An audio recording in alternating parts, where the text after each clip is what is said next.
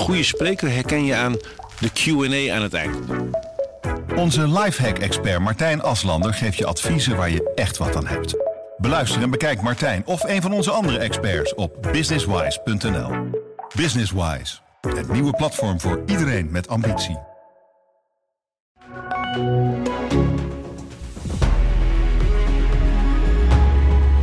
Amputaties, vergroeien en slecht zittende protheses. Het uitstellen van zorg door de coronacrisis heeft bij sommige patiënten letterlijk littekens achtergelaten. Sjoerd Bultstra is voorzitter van de Nederlandse Orthopedische Vereniging en zelf orthopedisch chirurg. Meneer Bultstra, bent u geschrokken van dit nieuws? Ja, natuurlijk zijn we geschrokken, want uh, we willen zo goed mogelijke zorg aan onze patiënten verlenen. En dat, ja, dat, dat lukt niet. En dat betekent dat sommige mensen zelf uh, niet naar de dokter durfde te gaan, eh, gezien de coronasituatie. Ofwel onvoldoende snel terecht konden bij die dokter, zowel de huisdokter als in het ziekenhuis. En dan eigenlijk soms ook te laat behandeld worden, waardoor de consequenties kunnen blijven bestaan, ook na een uh, operatie bijvoorbeeld. Ja, wat kunt u voorbeelden geven? Om welke verergerde klachten gaat het dan vaak? Nou, in het algemeen komen mensen pas op een wachtlijst uh, wanneer we zeg maar, op andere manieren de pijn niet kunnen verminderen of de functie in stand kunnen houden.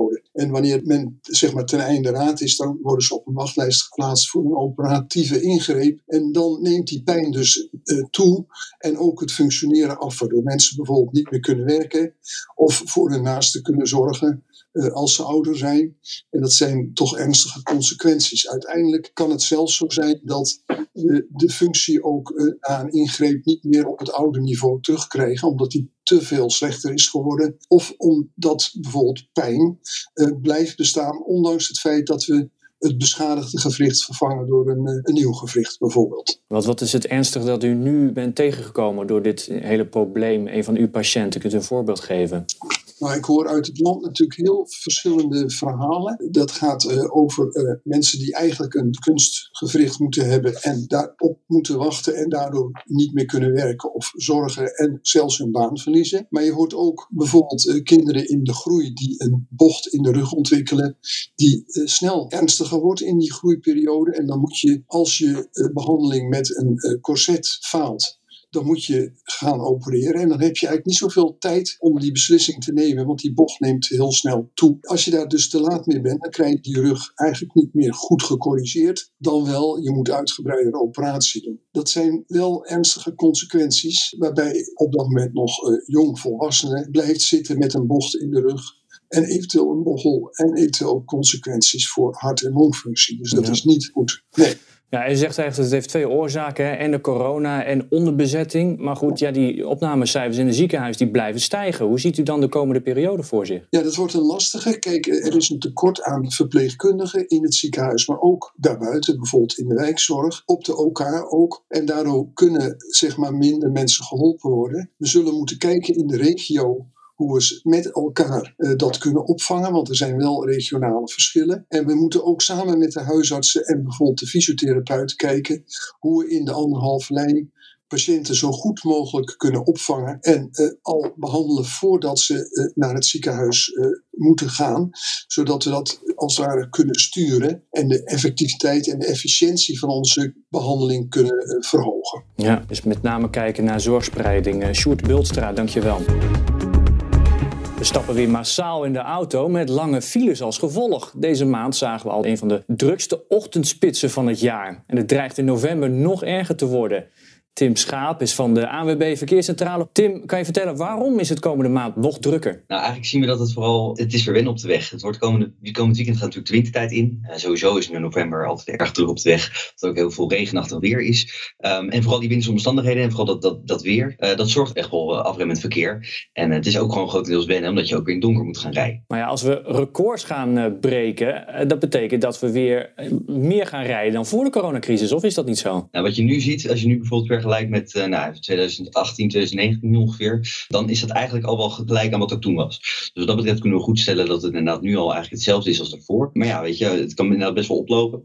Um, en dat is voornamelijk ook met het thuiswerkadvies. Dat moet je goed verspreiden, want anders wordt het alsnog druk. We zien nu bijvoorbeeld echt wel pieken op dinsdag en donderdag, omdat er dan heel veel mensen ja, toch wel de weg op staan. Dus mensen houden zich eigenlijk helemaal niet aan het thuiswerkadvies? Of? Nou jawel, alleen wat we veel zien is dat heel veel bedrijven kiezen om een soort half om half te doen. Dus enkele dagen op kantoor enkele dagen van het huis. Ehm, en het is voornamelijk zaak dat je die goed verspreidt. Want als iedereen alsnog tegelijkertijd massaal op donderdag gaat werken, ja, dan kom je uiteindelijk toch weer in de file te staan. En heb je specifiek ook wegen die automobilisten het best kunnen vermijden dan de komende maand? echt specifieke wegen is altijd lastig. je hebt natuurlijk ook altijd ongelukken en auto's met pech die echt wel lokaal voor de meeste en de langste vertraging zorgen. Dat zijn de meeste ingrijpende files. maar plekken die wel gewoon druk zijn, dat is altijd de regio Brabant, de zuidelijke helft van het land, en rondom Rotterdam. Dat zijn echt wel veel knelpunten daar. Uh, daar kan het soms nog wel eens flink vastlopen. En er hoeft niet eens echt iets te gebeuren om daar drukte te creëren. Tim Schapen, dankjewel. En als je in de file niet wil staan, dan pak je gewoon lekker de trein, zou ik zeggen. Gedupeerden van de toeslagenaffaire zijn een wisje datjes op Twitter begonnen. Hierin delen zij de meest bizarre details met de buitenwereld. En Deria Selfie is een van de gedupeerden. Deria, jij hebt zelf ook flink lopen mee twitteren. Wat delen jullie zo al uh, met die wisjes datjes? Er worden vooral hele persoonlijke ervaringen gedeeld. Het is heel kort natuurlijk, dus echt in één of twee zinnen worden er toch wel uh, heftige dingen gedeeld. Ja, ik kan je voorlezen, want we zagen er net eentje voorbij komen over een belastingfuik.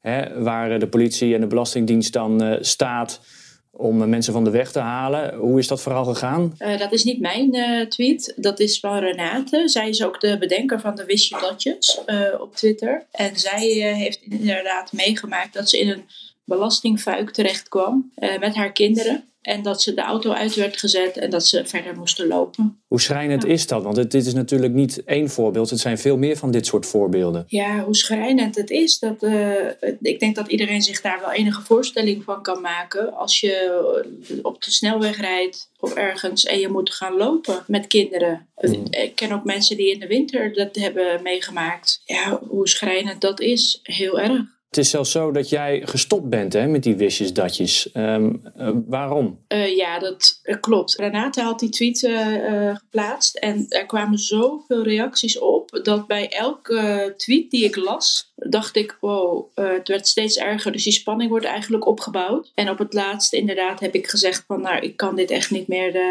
ja, ik raak er heel erg van in paniek. Ik ben inderdaad een beetje ziek geworden die avond, maar dat hebben heel veel gedupeerden gehad, heb ik begrepen. Het zijn toch flashbacks. Dus alles wat je leest heeft ook weer betrekking op iets wat jij meegemaakt hebt. Is het dan ook niet zo dat je jezelf hiermee pijnigt? Want wat, wat willen jullie eigenlijk bereiken met deze tweets? Nou, ik denk dat uh, het, het is zeker pijnigend, maar ik denk ook dat het een stukje verwerking is. En dat is ook de reden geweest waarom zij dit gestart heeft. Want dat maakt het eigenlijk heel laagdrempelig voor veel gedupeerden die niet durven te vertellen over wat ze meegemaakt hebben. Of die er niet over durven te tweeten, hebben hier toch echt wel een reactie onder gezet. Dus tegelijkertijd dat het pijnigend is, is het eigenlijk ook ja, confronterend, pijnigend, maar ook goed om over die drempel heen te stappen om toch te vertellen wat jij ook meegemaakt hebt. Ja, als een stukje verwerking. Drie jaar selfie, dankjewel.